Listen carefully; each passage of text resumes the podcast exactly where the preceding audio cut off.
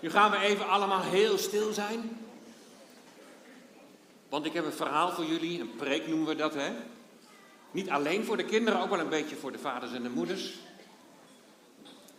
Want ik ga jullie iets vertellen naar aanleiding van het verhaal van Noach. Maar jullie moeten me wel af en toe even een beetje helpen, had ik er straks al gezegd. Want als ik zeg, naar regen komt zonneschijn, of naar regen komt, dan zeggen jullie? Goed zo. Nou, dan komt een paar keer komt dat voor, dus even goed opletten, hè? Als je nou op vakantie gaat en je gaat bijvoorbeeld kamperen, dan wil je toch heel graag dat de zon schijnt. En dat het een beetje ja, lekker warm is. En dat is natuurlijk helemaal niet leuk als het de hele dag regent. Want je wilt lekker buiten zitten. En je wilt lekker buiten spelen. Bij Noach regende het 40 dagen en 40 nachten. Ik had in een klas al gezegd van, weet je wel, dat zijn zes weken. Eigenlijk een hele zomervakantie. Moet je je voorstellen dat de hele zomervakantie alleen maar regent. Nou, daar word je toch niet blij van. Maar hoe hard het ook regent en hoe lang het ook regent, naar regen komt. Goed zo. Het is natuurlijk wel jammer als dat pas na de vakantie gebeurt. Na regen komt zonneschijn. Weet je wat we daar eigenlijk mee bedoelen? Er kunnen dingen in je leven gebeuren waar je heel verdrietig van wordt. Nou, Sebastian en Benjamin, die hebben daar in dat prachtige werk hebben ze al de regeldruppels laten zien. Kijk, daar kun je hem ook zien op het scherm. En op die regendruppels, ik heb even goed gekeken, daar staat bijvoorbeeld: Ik ben verdrietig omdat mijn oma dood is. Of ik ben verdrietig als ik word gepest. Maar ook, ik ben verdrietig als ik word uitgescholden vanwege mijn bril. Misschien word je wel heel verdrietig als je kijkt van wat er in deze wereld allemaal gebeurt. De oorlog in de Oekraïne en wat er nu allemaal in Israël gebeurt. Deze dingen die zijn natuurlijk allemaal veel erger dan dat je een dag binnen moet zitten omdat het regent. Maar zeggen we dan, er kunnen hele nare dingen gebeuren, maar er komt een dag dat de zon weer gaat schijnen. Want na regen komt. Ja, er komt een dag dat je weer blij kunt zijn. Is dat altijd zo? Nee, heel vaak gelukkig wel, maar ook weer niet altijd. Nadat de zon gaat schijnen, kan het ook daarna weer gaan regenen. En kunnen er toch weer verdrietige dingen gebeuren.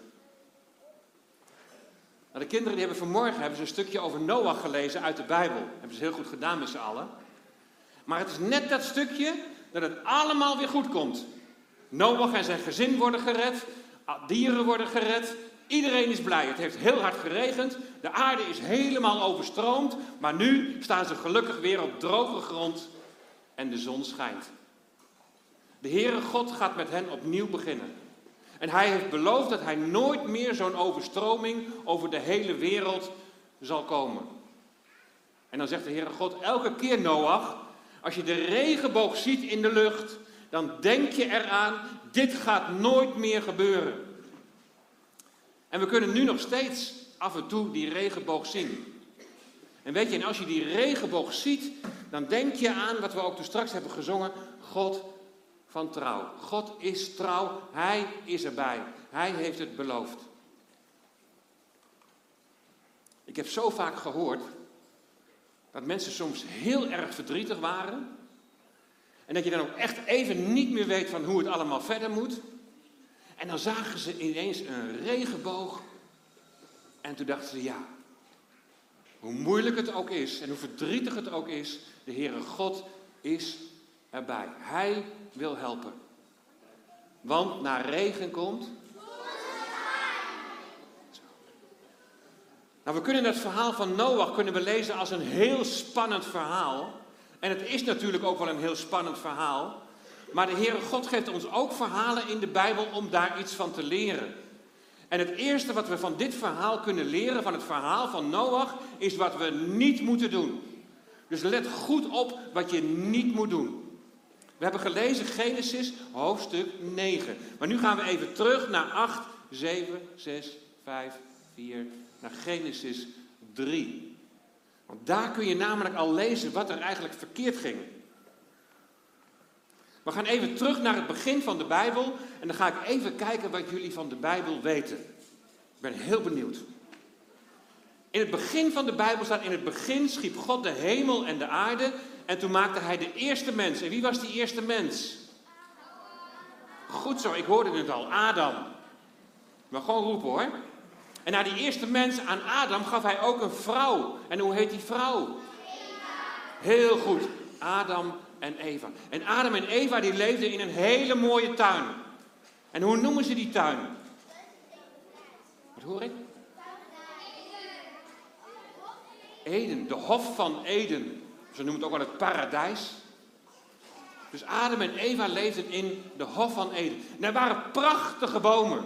Maar van welke boom mochten ze niet eten?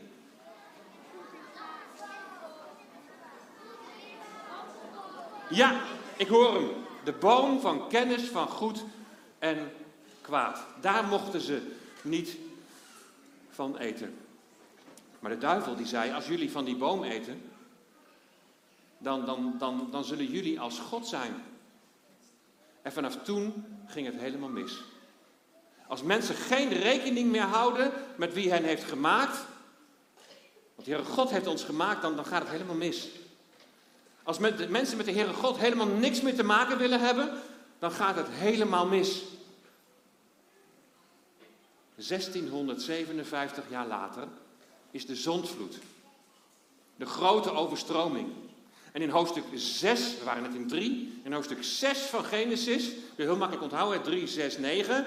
In hoofdstuk 6 van Genesis kun je lezen wat er in die jaren allemaal is gebeurd. En dan kun je lezen dat de mensen toen heel slecht waren. Ze bedachten allemaal dingen in hun hoofd en in hun hart die allemaal slecht zijn. Ze maken ruzie met elkaar, ze maken alles kapot. Al die dingen waar, je, waar je verdrietig van wordt, die regendruppels. Dat zijn allemaal dingen die we niet moeten doen. Want als we dat doen, dan gaat het allemaal mis. Dan gaat het allemaal fout. Stel je eens voor, je hebt iets heel moois gemaakt. Bijvoorbeeld een Lego-bouwwerk. En, en dan zeg je tegen twee goede vrienden: Nou, weet je, jullie mogen het lenen. Jullie mogen er ook mee spelen. Maar nou, ik heb het zo mooi gemaakt. Zorg er wel voor dat er niks kapot gaat. En na een poosje kom je dan terug. En dan zie je dat ze niet hebben geluisterd. Er is van alles kapot gemaakt door die twee vrienden. En je had zo'n hele mooie hoge toren gebouwd. En die is nu voor de helft afgebroken.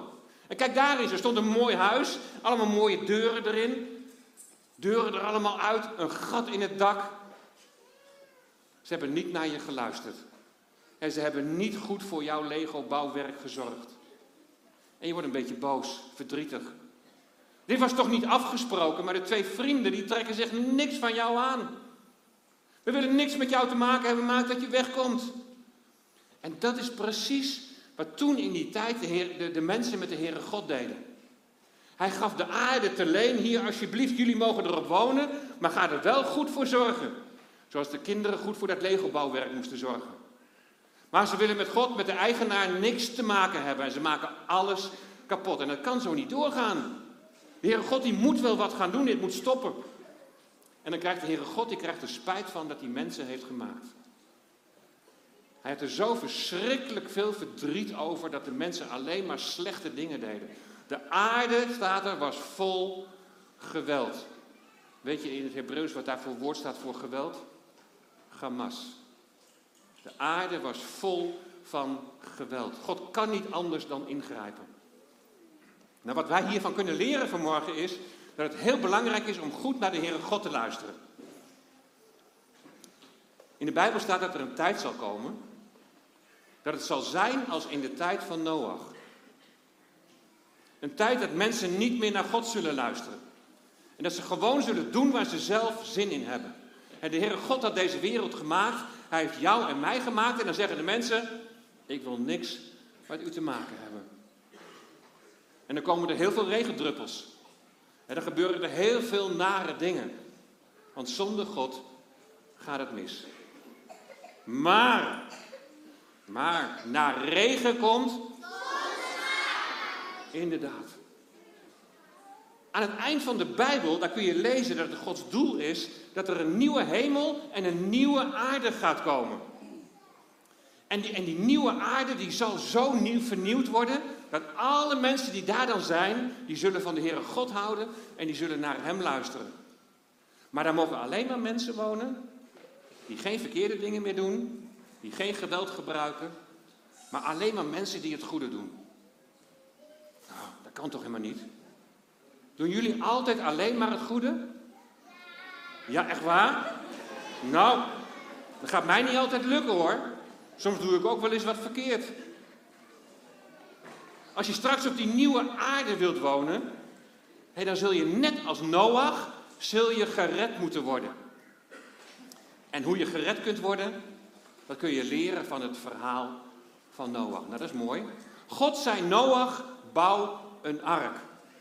Noach moest een hele grote boot moest hij gaan bouwen. Je ziet hem daar, hè? Maar toen hij aan timmeren was, de mensen die lachten hem uit. Ze dachten, wat een sukkel die Noach. Jongen, waar is het water dan? Is er helemaal geen water? Waarom ga je dan een groot schip bouwen? Ben je misschien niet helemaal eh, goed bij je hoofd of zo? Toch doet Noach wat de Heere God zegt. En dan breekt de dag aan dat Noach tegen, of dat de Heere God tegen Noach zegt: Kom met uw familie aan boord. De Heere God die nodigt Noach en zijn gezin, nodigt hij uit. Kom aan boord. Nou, misschien zijn er vanmorgen wel mensen die al heel lang geleden afscheid van God hebben genomen. En toch blijft hij je uitnodigen. Kom tot mij. Kom aan boord. Want hij heeft het verlangen om je te redden. Hij heeft het verlangen om in relatie met jou te leven. En hij wil dat jij ook straks op die nieuwe aarde zult zijn. Kom bij mij, want bij mij is redding. Ik zal je de weg laten zien naar die nieuwe aarde waar alles volmaakt zal zijn. En daar zal geen verdriet meer zijn.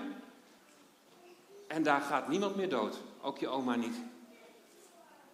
Maar je kunt daar alleen komen als je alleen maar het goede doet. En misschien denk je wel, ja dat kan helemaal niet. Nou, aan de hand van het verhaal van Noach zal ik je laten zien hoe dat kan. Maar weet je hoe ze in, in de taal van de Bijbel die ark ook wel noemen? Een kist. Eigenlijk drijft daar een hele grote kist. Dat was een hele grote kist. Maar jaren later, als het volk van God in Egypte is, is er een heel klein kistje dat in het water wordt gelegd. Jullie kennen vast wel het verhaal van het biezenmandje. En wie, wie werd erin gelegd? Een baby, ja. En wie was het? Ja, Mozes in het biezenmandje. Nou, in de taal van de Bijbel wordt daar hetzelfde woordje gebruikt van kist. Dus de ark was een hele grote kist en het biezenmandje was een heel klein kistje. In de ark van Noach en zijn, werd zijn familie door het water heen gered. En zo wordt ook jaren later Mozes door het water heen gered. Noach die laat deze aarde, waar de mensen alleen maar slecht zijn, die laat hij achter zich. En hij gaat onderweg met de Heere God. En dan stapt hij uit op een nieuwe aarde. De kist heeft vrijheid gebracht. Door de kist, door dat mooie schip, bleven Noach en zijn familie in leven. Het oude is voorbij. En het nieuwe is gekomen. Hij en zijn familie mogen opnieuw beginnen. Daar heb ik jullie ook van horen zingen. Je mag weer opnieuw beginnen bij de Heere God. Want naar regen komt. Goed zo. Klinkt wel iets minder enthousiast, moet ik zeggen hoor. Mozes die laat zijn vader en zijn moeder en, en, zijn, en zijn zusje achter, die als slaven in Egypte wonen en werken. En Mozes die wordt gevonden en die leeft dan verder in vrijheid in het paleis van de farao. Mozes is niet langer slaaf. Het kistje heeft vrijheid gebracht. Door het kistje bleef Mozes in leven. Het oude is voorbij en het nieuwe is gekomen. Als Noach die boot in elkaar zet, dan kun je nog niet zomaar uitvaren, want hij heeft het wel mooi getimmerd, maar er zitten allemaal kieren tussen dat hout. En ja, als je daar niet oppast, gaat al het water daartussen doorstromen en dan ga je alsnog ga je zinken. Dus ze kunnen niet zomaar uitvaren, er moet nog iets gebeuren. En weet je hoe ze dat oplossen? In de Bijbel staat dat ze daar pek op smeren. Pek is van die zwarte, stroperige teer. En die streken ze erop. En zo werd alles netjes dichtgesmeerd, zodat de boot niet zou zinken. Nou weet je, en dit is heel bijzonder. Misschien wel een beetje moeilijk te begrijpen. Maar de vaders en moeders zullen het zeker begrijpen. In de taal van de Bijbel kun je pek ook vertalen als losgeld. Hé, hey, dat is apart. Dat pek, dat losgeld zorgt ervoor dat je veilig met de boot, met de ark kunt varen. Nou, je zou naar de ark kunnen gaan. Maar weten jullie wel dat er een ark nagebouwd is? Er ligt nu een ark, volgens mij ligt er nu nog in Zeewolde. Is niet eens zo heel erg ver hier vandaan. Valt misschien nog wel mee. Maar door daar naartoe te gaan, door daar naartoe te gaan en in die boot te gaan kijken, ja, daar word je niet gered. De ark waardoor je gered kunt worden, en dat is het allerbelangrijkste wat je vanmorgen moet onthouden. De ark waardoor je gered kunt worden, is de Heer Jezus. Hij is onze reddingsboot. In de Bijbel daar staat dat Hij is gekomen om zijn leven te geven als losgeld. Daar heb je hem, voor velen. En losgeld, dat moet je betalen om iemand vrij te krijgen. Maar de mens is van nature niet vrij. Die slang, die duivel, die zorgt ervoor dat mensen nog altijd niet het goede doen. En hij moedigt je zelfs aan om het slechte te doen. En weet je hoe de Heer Jezus dat losgeld heeft betaald? Nou, in groep 7 vroegen ze aan mij, wat vind je het mooiste verhaal in de Bijbel? En nou, het, meeste, het meest bijzondere verhaal vind ik wel dat de Heer Jezus aan het kruis moest. En dat hij daar zijn leven heeft gegeven voor ons allemaal. Dat hij in onze plaats stierf om onze zonde te vergeven. En natuurlijk dat hij na drie dagen weer opgestaan is uit de dood. Wat een bijzonder verhaal. En toen ik zei dat het verhaal, toen ik zei, en toen ik zei het verhaal dat de Heer Jezus wordt gekruisigd en drie dagen weer opstond uit de dood, toen zei ik ook van ja, die kruisiging dat is wel heel verdrietig. Maar het maakt ons wel vrij.